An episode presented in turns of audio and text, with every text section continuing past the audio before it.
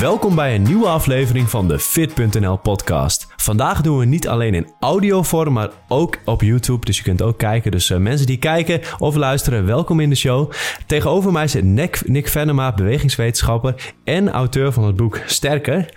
Uh, supermooi boek over krachttraining en we gaan het vandaag over dit onderwerp hebben. Hoe word je sterker, gespierder en haal je het maximale uit je training? En we hebben een hoofdthema vandaag. Nou, waarom, wat zijn de vijf redenen waarom mensen niet het maximale uit hun training halen? Mooi onderwerp. Allereerst Nick, even over jouw boek. Uh, ja, ben je er blij mee? Ja, ik vind het echt fantastisch. Ik, uh, ik heb het vandaag voor het eerst gezien. Ik heb er even doorheen gebladerd. Het was een flinke klus. Maar het is, ja, het is een topgevoel om hem nu ja. voor het eerst in mijn handen te hebben. Zeker weten. Dat het ook in Nederland een super aanvulling wordt. Want dit boek, je kunt het vinden in de shop van fit.nl, shop.fit.nl. Uh, staat alles over krachttraining in, hoe je het maximale uit je training haalt. Dus ook dat wordt de reden van deze podcast en van deze video als je dus kijkt. Uh, we gaan beginnen met het eerste onderwerp. Uh, hoe haal je het maximale uit je training, zodat je echt binnen een korte periode zoveel mogelijk resultaat haalt. Want dat, we merken toch dat veel mensen daarmee worstelen. Die vraag is echt een ding. Nou, daarom heb je dat boek ook geschreven. Dus uh, laten we gelijk starten met het eerste onderwerp. We gaan het eerst over training hebben, techniek. Uh, belangrijk onderwerp. Mensen doen allerlei moeilijke oefeningen, lastige dingen. Maar jij zegt van focus je gewoon op de basis. Uh, ja, kun je dat toelichten? Ja, dus wat ik veel zie in een sportschool is dat um, mensen oefeningen uitvoeren zonder dat ze die echt beheersen. En dat is als je net bent begonnen met training, is het natuurlijk hartstikke logisch. Hey, je kan niet van iemand verwachten die voor de tweede keer in de sportschool staat, dat een hele technisch gelikte deadlift uitvoeren. Maar als je nou al twee jaar in de sportschool rondloopt en je kunt nog steeds niet effectief deadliften, ja, dan beperk je je vooruitgang echt enorm. Ja, maar even, even voor je idee, zeg maar. Als ik dezelfde sportschool inloop en dan zie ik heel veel mensen trainen met een dikke bolle rug, veel te zware gewichten, veel te lichte gewichten, hebben eigenlijk helemaal geen idee wat ze doen. Een thema wat wij vaak bespreken is, bereid je eigenlijk van tevoren voor op hetgeen wat je gaat doen en verdiep je er in ieder geval in. En uh, ja, dat is echt volgens mij een belangrijk punt wat je ook met dit boek probeert te doen. Kijk echt eens kritisch naar je techniek. Ja, ja absoluut. Uh, als je weet dat je morgen je benen gaat trainen en je hebt niet heel veel ervaring met squatten, ja, dan weet je wat, drie minuutjes squat video's kijken op YouTube, haal je weer punten uit, kun je meenemen in je training, kun je squat verbeteren. Wat zorgt daarvoor? Um, je gaat effectiever trainen, je bouwt meer spiermassa op als je dat wil, je traint veiliger, je raakt minder snel geblesseerd. Oftewel, je kunt veel meer gains maken. En ja. lang volhouden. Ja, is dat ook iets wat je ziet? Want jij coacht mensen uh, en je hebt zelf natuurlijk heel veel jaren trainingservaring. En ik zelf ook. In het begin uh, pakte ik soms veel te zware gewichten. Trainde ik suboptimaal. Raakte ik sneller geblesseerd. Nou, luisteraar, kijker, die herkent dit vast wel. Uh, maar heb je wat persoonlijke anekdotes waarin je juist die, dat plateau doorbrak. Waaraan je bijvoorbeeld aan bepaalde zwakke punten ging werken. En ja, ook echt kritisch naar je eigen techniek ging kijken? Um dat is een uh, leuke vraag. Het zijn eigenlijk een hoop vragen uh, in één keer. Um, een anekdote van mezelf die ik leuk vond was um, bij het NK Powerlifting. Ik ben nooit de sterkste geweest. Ik ben niet gemaakt om uh, wereldrecords te tillen. Maar ik had op een gegeven moment stond ik op NK Powerliften 2017 en toen had ik uh, een dik PR deadlift voor mij. Dat was toen 255 kilo, super blij mee. En achteraf kwam um, een van de spotters naar me toe en die zei: Nick, jongen, je hebt zo'n mooie deadlift techniek, hier ga je heel ver mee komen. Toen dacht ik, nice. Ik ben misschien niet de sterkste geweest, maar ik heb me wel gewoon professioneel getild. Ik heb mijn rug heel gehouden. Um, en dit is wel een techniek waar ik op door kan bouwen. Ja, dat is ook wel wat vaak terug bij jou zie. Is jij echt probeert ook tijdens wedstrijden, is het, techniek gaat echt gewoon altijd voor. Als ik jou zie benchen, als je squats doet, ziet er gewoon technisch super goed uit. Dus dat is wel, heb je jezelf ingedrild volgens mij. Ja, absoluut. Uh, technisch goed bewegen is niet alleen veiliger, maar het is natuurlijk uiteindelijk ook efficiënter.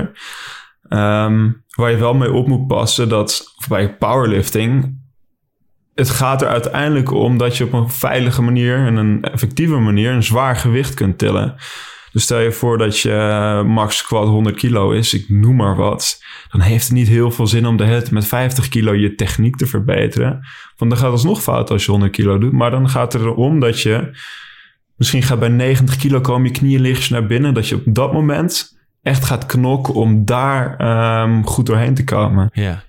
Dus dat wil eigenlijk zeggen dat heel veel mensen die, die echt progressie willen boeken met, met spiermassa, soms of veel te licht trainen of veel te zwaar. En door als je te licht traint, zie je juist niet die techniekfoutjes voorbij komen, die je bij zwaardere gewichten wel ziet. Dus dat zoeken naar het optimale belastbare niveau, zeg maar, belastingsniveau, is wel echt een uitdaging. Ja, ja, absoluut. Inderdaad, als je te zwaar gaat en je kunt je techniek niet meer netjes houden, ja, dan ga je eigenlijk een doodlopende weg in. Want je kunt vanaf hier kun je alleen maar je lichaam verder uh, verkloten. En als je veel te voorzichtig bent, dan ga je gewoon nooit sterker worden. Ja. Dus je moet echt dat randje moet je wel opzoeken van... hey, dit kan ik nog net goed uitvoeren. Ja, heb ik ook gemerkt in de periode tijdens jij mij ging coachen... pushte jij mij met gewichten en maakte ik ook echt wel uh, meer progressie... omdat ik die, die randjes wat meer durfde op te zoeken. Dan heb je al een aantal oefeningen genoemd. Uh, je zei, ga terug naar de basis. de basisoefeningen leer die goed uitvoeren. Wat zijn in jouw ogen, nou, laat zeggen, de vijf beste oefeningen die je sowieso moet doen... Eh, en waar je aan moet gaan werken? Nou, van tevoren zeggen, er zijn niet per se vijf oefeningen die je per se moet doen. En bij wijze van spreken, je kunt echt wel gespierde benen krijgen zonder te squatten. Maar de squat is wel een basisoefening. Dus als je begint met krachttraining of je doet aan krachttraining, zorg ervoor dat je bewegingen zoals de squat, een bench press, een overhead press, een deadlift, um, pull-ups, dat je dat soort beweging gewoon echt, echt goed beheerst. En als je, dat, als je goed kunt deadliften, squatten, benchpressen, overhead pressen, pull-ups kunt doen... Ja, dan kun je... Dat is 80% van je training. Daar kun je echt wel heel veel resultaat uit halen.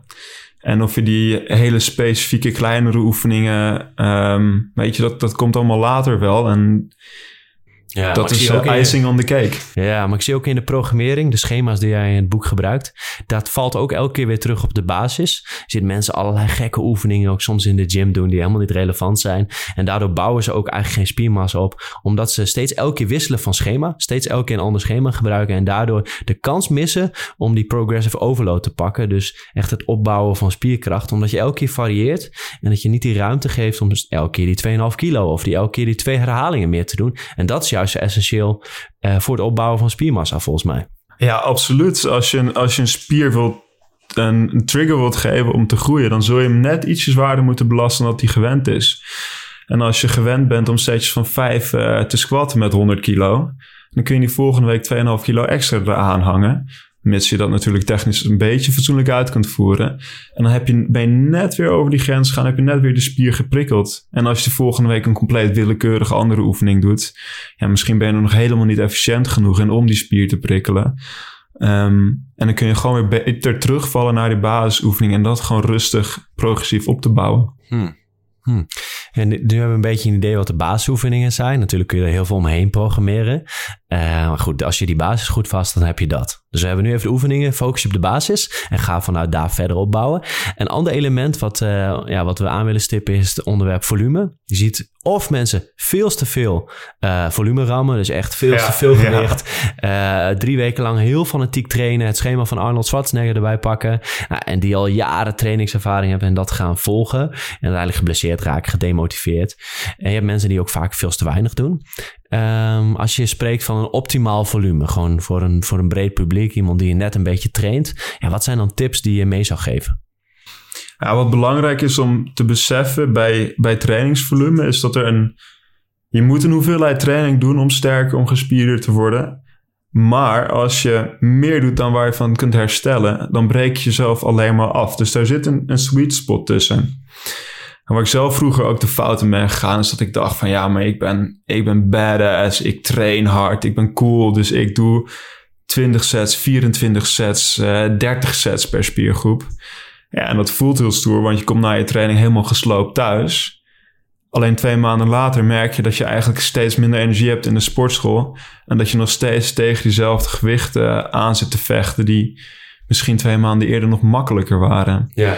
Dus dan ben je misschien heel erg badass tijdens je trainingen, maar je mis je gewoon het resultaat. En dat is hartstikke zonde. Ja, en je hebt ook niet een opgebouwd uh, resultaat, waar je dan als je dan twee weken rust zou hebben, dat je dan ineens gigantisch omhoog zou schieten. Want dat zou natuurlijk ook nog kunnen, hè? dat je zoveel, zoveel volume erin ramt, uh, dat je uiteindelijk dan wel daarna kunt cashen, bij wijze van. Of zou je zeggen van, hé, hey, zet het volume iets lager en dan voor de luisteraar, we zijn, zitten allebei weg in de theorie. Trainingsvolume is natuurlijk gewicht, aantal herhalingen. Um, en wat vergeet ik nog? Het aantal setjes. Dat zeg maar de, de pijlers die dat bepalen. Um, of zeg je van ja, zorg toch dat je het wat meer naar beneden schaalt en bouw het rustig op. Uh, ja, om even terug te komen. Als, we, als ik het over volume heb, dan is het eigenlijk het aantal echt zware setjes.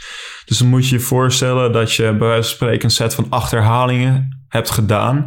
Die was echt zwaar. Je zou er misschien nog eentje, misschien nog twee, heel misschien nog een derde uit kunnen persen. Maar zeker geen vierde. Um, en alleen die sets tellen mee. Dus als ik over 20 sets heb per week, dan zijn het ook 20 sets waarmee je flink, uh, flink naar de kloten gaat, zeg maar. Ja. Um, en nu ben ik eigenlijk even de vraag weer kwijt. Ja, dus, uh, Oké, nou goed, dit is een mooie, mooie introductie van trainingsvolume. Um, hoe zorg je ervoor? Want het is natuurlijk heel makkelijk om te overreachen, noemen ze dat. Dat je te veel volume erin gaat rammen. Maar ook underreachen, dat je te weinig volume doet. Wat zijn tips voor een luisteraar die niet het geld heeft om een coach... Uh, om wel tot het juiste belastingsniveau te komen? Um, ja, dat is een goede. Ik zou altijd je volume iets voorzichtig inschatten. Wat ik zelf bij mezelf bijvoorbeeld heb gemerkt. Is voor deadliften heel weinig hoef te doen. Als ik een paar sets in de week echt zwaar deadliften en nog wat oefeningen eromheen deed. Ja, daar heb ik de beste resultaten mee gehaald. En als ik daar direct met 16 of 20 sets was begonnen, ja, dan heb ik, zou ik mezelf alleen maar slopen. Um, ja, ik, ik denk dat ook dat component van vermoeidheid opbouwen. Het is gewoon super belastend voor je fysiek. Zeggen wel neurale vermoeidheid of spiervermoeidheid. Wat dat precies is, wat voor vermoeidheidssyndroom je uh, door deadlifts krijgt, dat, weet ik nog niet. Het is nog niet, ook niet helemaal duidelijk uh, volgens mij uit onderzoek. Maar het is gewoon super belastend voor je lichaam. En vooral beginnende sporters vinden dat echt lastig te bepalen. En natuurlijk ook het ego-component, wat ik zelf ook heb. Ja, het is gewoon heel, heel leuk om jezelf te overschatten. Ja, ja, absoluut. Nee, ja, een goede richtlijn, weet je als je, als je zorgt dat je misschien in de range 12 tot 16 sets per spiergroep. Gek genoeg voor mij en voor veel anderen zijn hamstrings wat gevoeliger. Dus daar kun je misschien aan die ondergrens houden. Als je in die range een beetje zit en probeert die sets goed uit te voeren. Dus dat je ten eerste met een goede techniek werkt en dat je die sets ook echt pusht. En als je daarmee merkt, hey, ik, ik ga niet vooruit, maar ik voel me nog super fris. Dan kun je misschien wat meer doen. Waarschijnlijk ga je er al mee vooruit. En als je vooruit gaat, top. Liever een beetje te voorzichtig met vooruitgang. Dan kun je dat super lang volhouden. Dan iets te agressief. En drie maanden later compleet overbelast zijn. En weer een half jaar moeten opbouwen om, om daar te komen waar je staat. Ja, en die, die 12 tot 16 sets, om nog even voor, te, voor de luisteraar, want ik krijg die vraag heel vaak. Dat gaat dan om setjes, dat, niet je warm-up tel je dan mee, maar dat zijn dus die setjes waar je echt, waar echt moeite moet doen, waar je echt voor moet werken. Noemen ze niet voor niks werksetjes. Dus ja. Uh, dat is belangrijk om mee te geven. Je moet er echt voor werken en die tellen echt mee. Klopt, ja. De, de warming-up setjes, die, uh, die tel je niet mee. Dat is gewoon opbouwen naar je werksets. En vaak doe je voor één oefening vier, vier setjes. Dat is wel uh, regelmatig. Dan heb je misschien uh, vier oefeningen in de week met vier setjes. En als die zwaar genoeg zijn, dan ga je er echt wel uh, progressie mee boeken. Ja, over progressie gesproken. Dat is het volgende thema wat ik graag met jou wil behandelen. Uh, je hebt al mooie tips gegeven over trainingsvolume. Uh, maar hoe lang duurt het nou? Want heel veel mensen komen bij ons aankloppen en zeggen... ja, ik wil, wil gespierd worden, ik wil die summer body... ik wil die mooie fysiek ontwikkelen. en ik heb zelf ook altijd hele mooie, ambitieuze doelen. Ik overschiet mezelf soms. en onderschat mezelf ook wel eens. Ehm, Komt iemand naar je toe, begint net met trainen. En die zit die, uh, nou, die enorme beachboy voor zich. Ja, hoe lang duurt het echt om nou, die fysiek, die de koffer die jij hier hebt. Nou, ik heb hem nu voor de luisteraar. Ik heb hem nu omhoog. Dan staat hij echt een enorm gespierde Nick Venema. Uh, hoe lang duurt het als je net begint met trainen om zoiets te bereiken? Hij heeft natuurlijk, iedereen heeft een verschillende aanleg. En sommige mensen hebben wat meer aanleg om uh, groot en sterk te worden. En anderen hebben wat meer aanleg om een hele goede hardloper te worden. Dus er zit verschil in. Maar over het algemeen, als je naar iemand kijkt en die heeft echt een indrukwekkend lichaam, dan heeft hij waarschijnlijk tien jaar lang vier tot vijf keer in een week krachttraining gedaan. En dan zie je echt, dan zie je ook echt wel het resultaat. Maar er zijn heel weinig mensen die in ieder geval op een natuurlijke manier, in één jaar met af en aan twee, drie, vier keer per week trainen echt een indrukwekkend lichaam Ja. opgebouwd. Het is echt een lange, Ja, het is, lange er, zijn termijn echt- verhaal. er zijn natuurlijk uitzonderingen. Misschien 1% van de populatie heeft een dusdanig genetisch potentieel. Dat ze ineens die gigantische stap maken. Er is ook best wel veel eh, mensen die eh, door middel van doping bepaalde stappen inmiddels eh, weten te maken en sneller. Maar als je op een natuurlijke manier, en als ik deze fysiek van jou bekijk, nou, en ik weet het, want ik train ook al jaren. Nou, hier- dit kost je, ja, of je moet onder hele strenge, goede begeleiding zitten en vanaf het begin geen enkele fout maken. Misschien zou het in drie jaar kunnen. Maar ik denk dat je daar toch wel vijf jaar mee bezig bent om zo'n bepaalde fysiek te bouwen. Eh, en dan zeg ik minimaal. En dat maakt het ook lastig. En dit is ook wel een punt wat wij ook vaak zien met afvallen. Als we mensen coachen met afvallen, is dat ze heel erg uitkomstgericht bezig zijn. Dus ik wil er zo uitzien op het strand, vaak omdat je dan meer zelfvertrouwen hebt. geeft je voelt je fijn gevoel. Denk dat je dan ge- meer gewaardeerd wordt als persoon. Eh, dat, dat is nog wel belangrijk om aan te geven. Jij hebt zo'n fysiek bereikt, hè? Eh, heeft het je nou meer zelfvertrouwen gegeven? Nou, natuurlijk is het idee toen ik, eh, toen ik 15 was en ik begon met krachttrainen, dat als ik eenmaal een sixpack heb en ik heb aderen over mijn armen, dan eh, word ik overladen met vrouwen en dan is, is mijn leven één groot feest. Eh, ja, nee. De, de mannen vinden het stoer dat je er goed uitziet. En, eh, Vaak krijg je meer complimenten van mannen dan van vrouwen. Ja. ja, ja, vrou- ja, mannen vinden het vet. En eh, nou, dat is prima. Ik, ik ben ook een man. Ik vind het ook vet om eh, Jack eruit te zien. Ja, ja. Maar Maar goed, dit komt wel op het thema terug. Wat ik dus even wil aangeven. Van ja, als je dit dus behaalt. Betekent dat niet dat je dan ineens eh, de man bent. Of de superman. Dat je daar eigenlijk, eigenlijk niet om zou moeten doen. Natuurlijk is dat misschien 20 of 10 of 20 of 30 procent op een schaal. Van eh, wat je kan drijven. Wat je kan motiveren. Maar als jij het zo lang wil volhouden. Dat je minimaal drie tot vijf jaar zo fanatiek wil trainen. Dan gaat het meer om het proces. Dus het werken aan je techniek. Het werken aan een betere squat. eh, het werken aan al die kleine dingen met je voeding.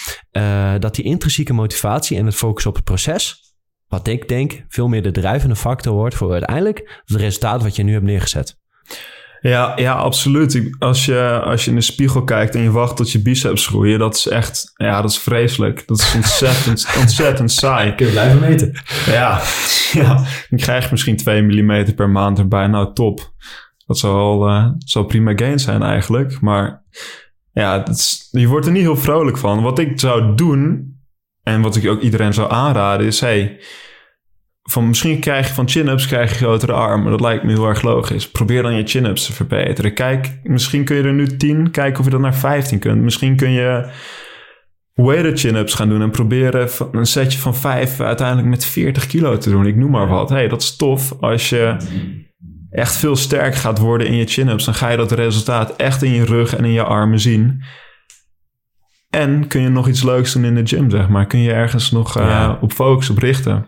Ergens plezier uit halen. Ja. En het ook meetbaar maken. Dus in de Google Docs bijvoorbeeld erbij houden. Wat heb ik de eerste week gedaan? Nou, en dan is het voor jou motiverend. Als jij weer gaat trainen. Nou, we, we nemen dit op eh, tijdens COVID nog. Dus niet iedereen, eh, ja, bijvoorbeeld de, de middelen. Maar dan kun je alsnog wel een plan maken van tevoren. Dus schrijf voor jezelf op van, hé, hey, wat heb ik vorige week gedaan? Nou, dan ben je gemotiveerd om de week erop net wat meer te gaan doen. Want dan weet je wat, wat je hebt neergezet. Dus dat is een tip die ik zelf altijd gebruik. En dat motiveert mij om constant toch weer een stapje erbij te zetten.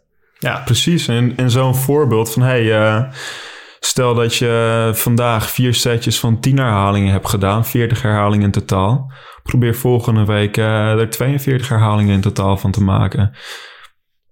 Of een, pak een heel ander getal, een hele andere oefening, maar probeer daar een beetje eh, je progressie in te zoeken. En dan wordt het leuk en dan kun je daar een uitdaging vinden. En zo, voor het weet ben je vijf jaar verder en dan zie je jezelf op een, een cover van een boek staan. En denk Ja. dit is vet. Ja, tof. Hey, over eh, grote stappen, want je maakt natuurlijk, het gaat nooit in één rechte lijn omhoog. Je, je hebt bijvoorbeeld, loop je tegen een plateau aan, dan doorbreek je die. Wat was een fase voor jou waarin je de, de meeste progressie maakte? En eh, wat doorslaggevend was waarom je die meeste progressie maakte? En dan hebben we het even over krachttraining en het opbouwen van, eh, van spiermassa. Ehm, ja, dat is een leuke vraag. Daar hebben we het vaak over gehad. En eh, ook met veel eh, vrienden en kennissen om me heen ervaren. Mijn slechtste periode qua vooruitgang was toen ik het met Better Stronger, mijn, eh, mijn coachingbedrijfje, het allerdrukste had. En dan stop, je kan allemaal mensen sterker maken. En je krijgt de hele dag door appjes van... hey, ik heb dit en dit gedaan. Wil je even naar mijn techniek kijken? Bedrijf ging hartstikke goed.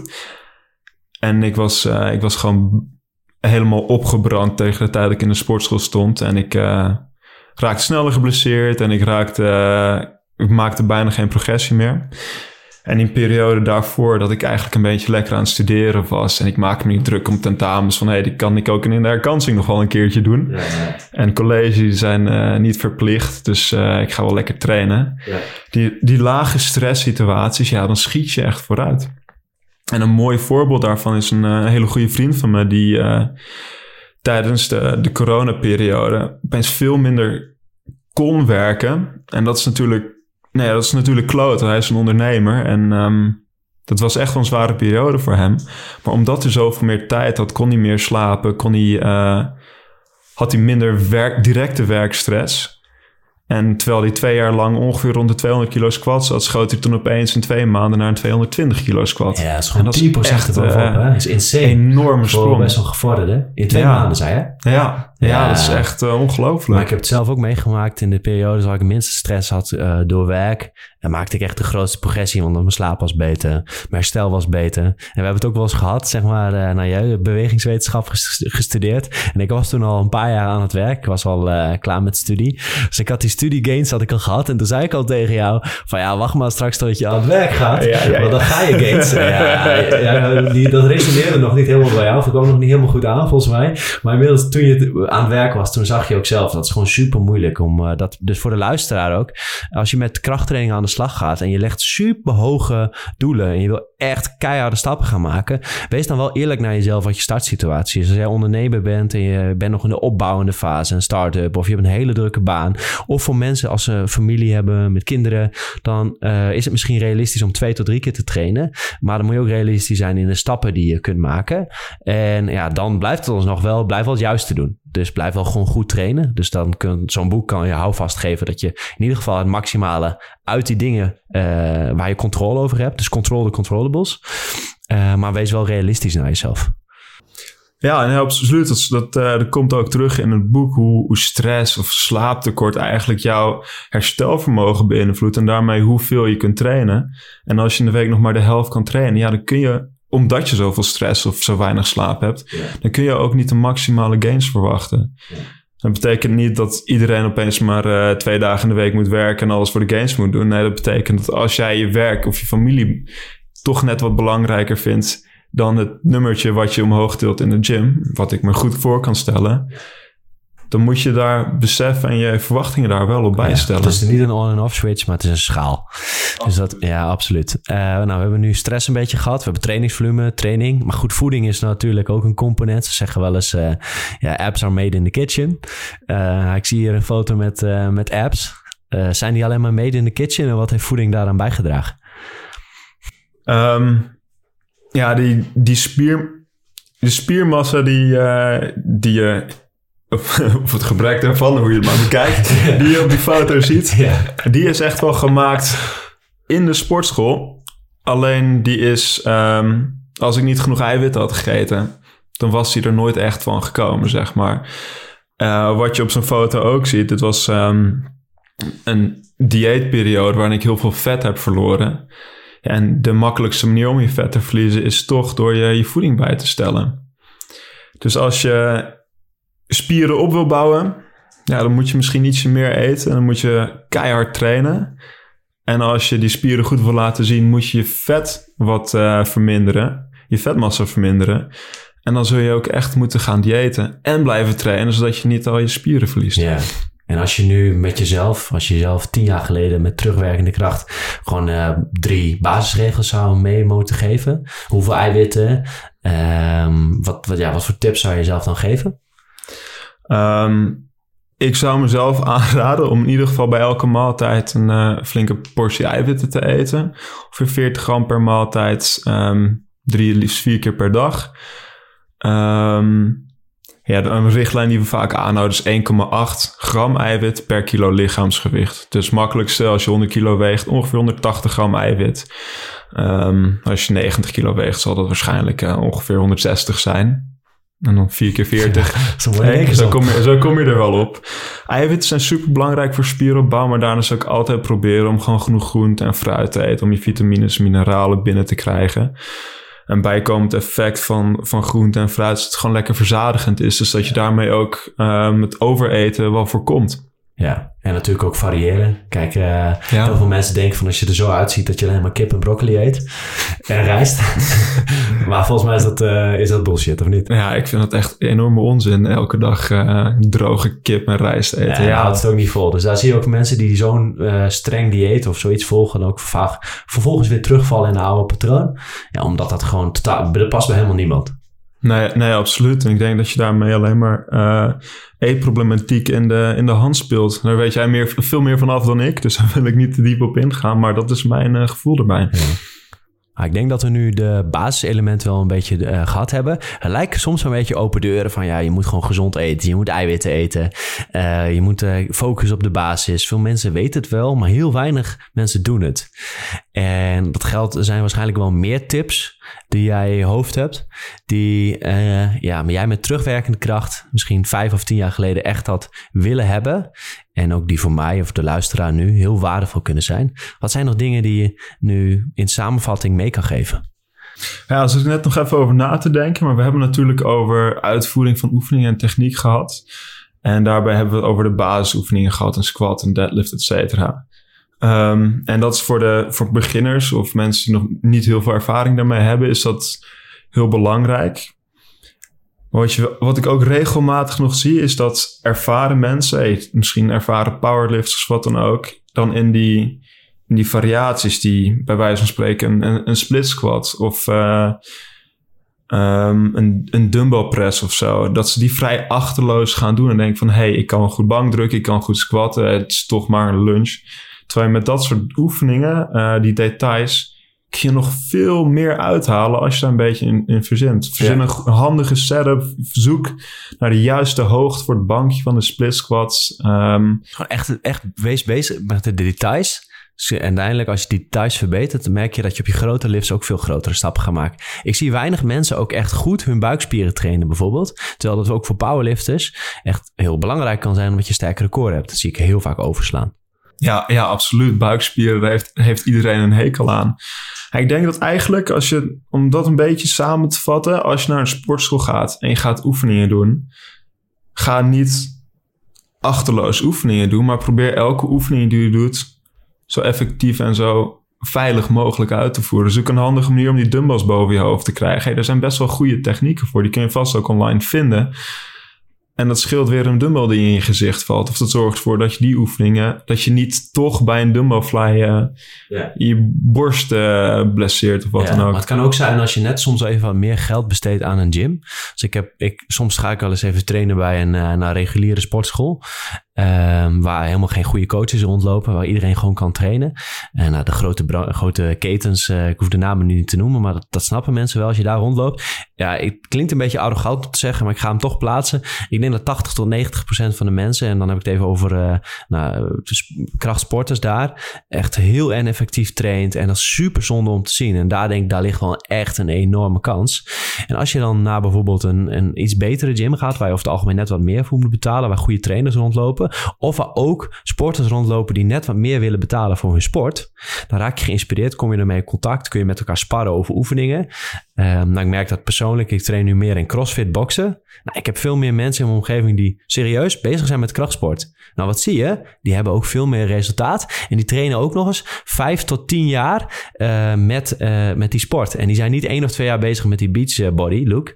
En vervolgens vallen ze terug. Dus zoek ook een omgeving die je stimuleert in hetgeen waarmee je bezig bent. En die ook kritisch is naar je. Die zegt van, hé, hey, wat ben je nou aan het doen met die squat? Let hier eens op.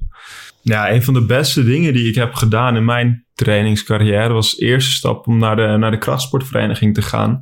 Vanuit een van die grote ketens waar ik de, de sterkste was en de meeste verstand van training had. Min of meer. Ehm, toen kwam ik bij de krachtsportvereniging en toen kwam ik erachter dat ik toch echt niet zoveel wist en dat ik echt niet zo sterk was.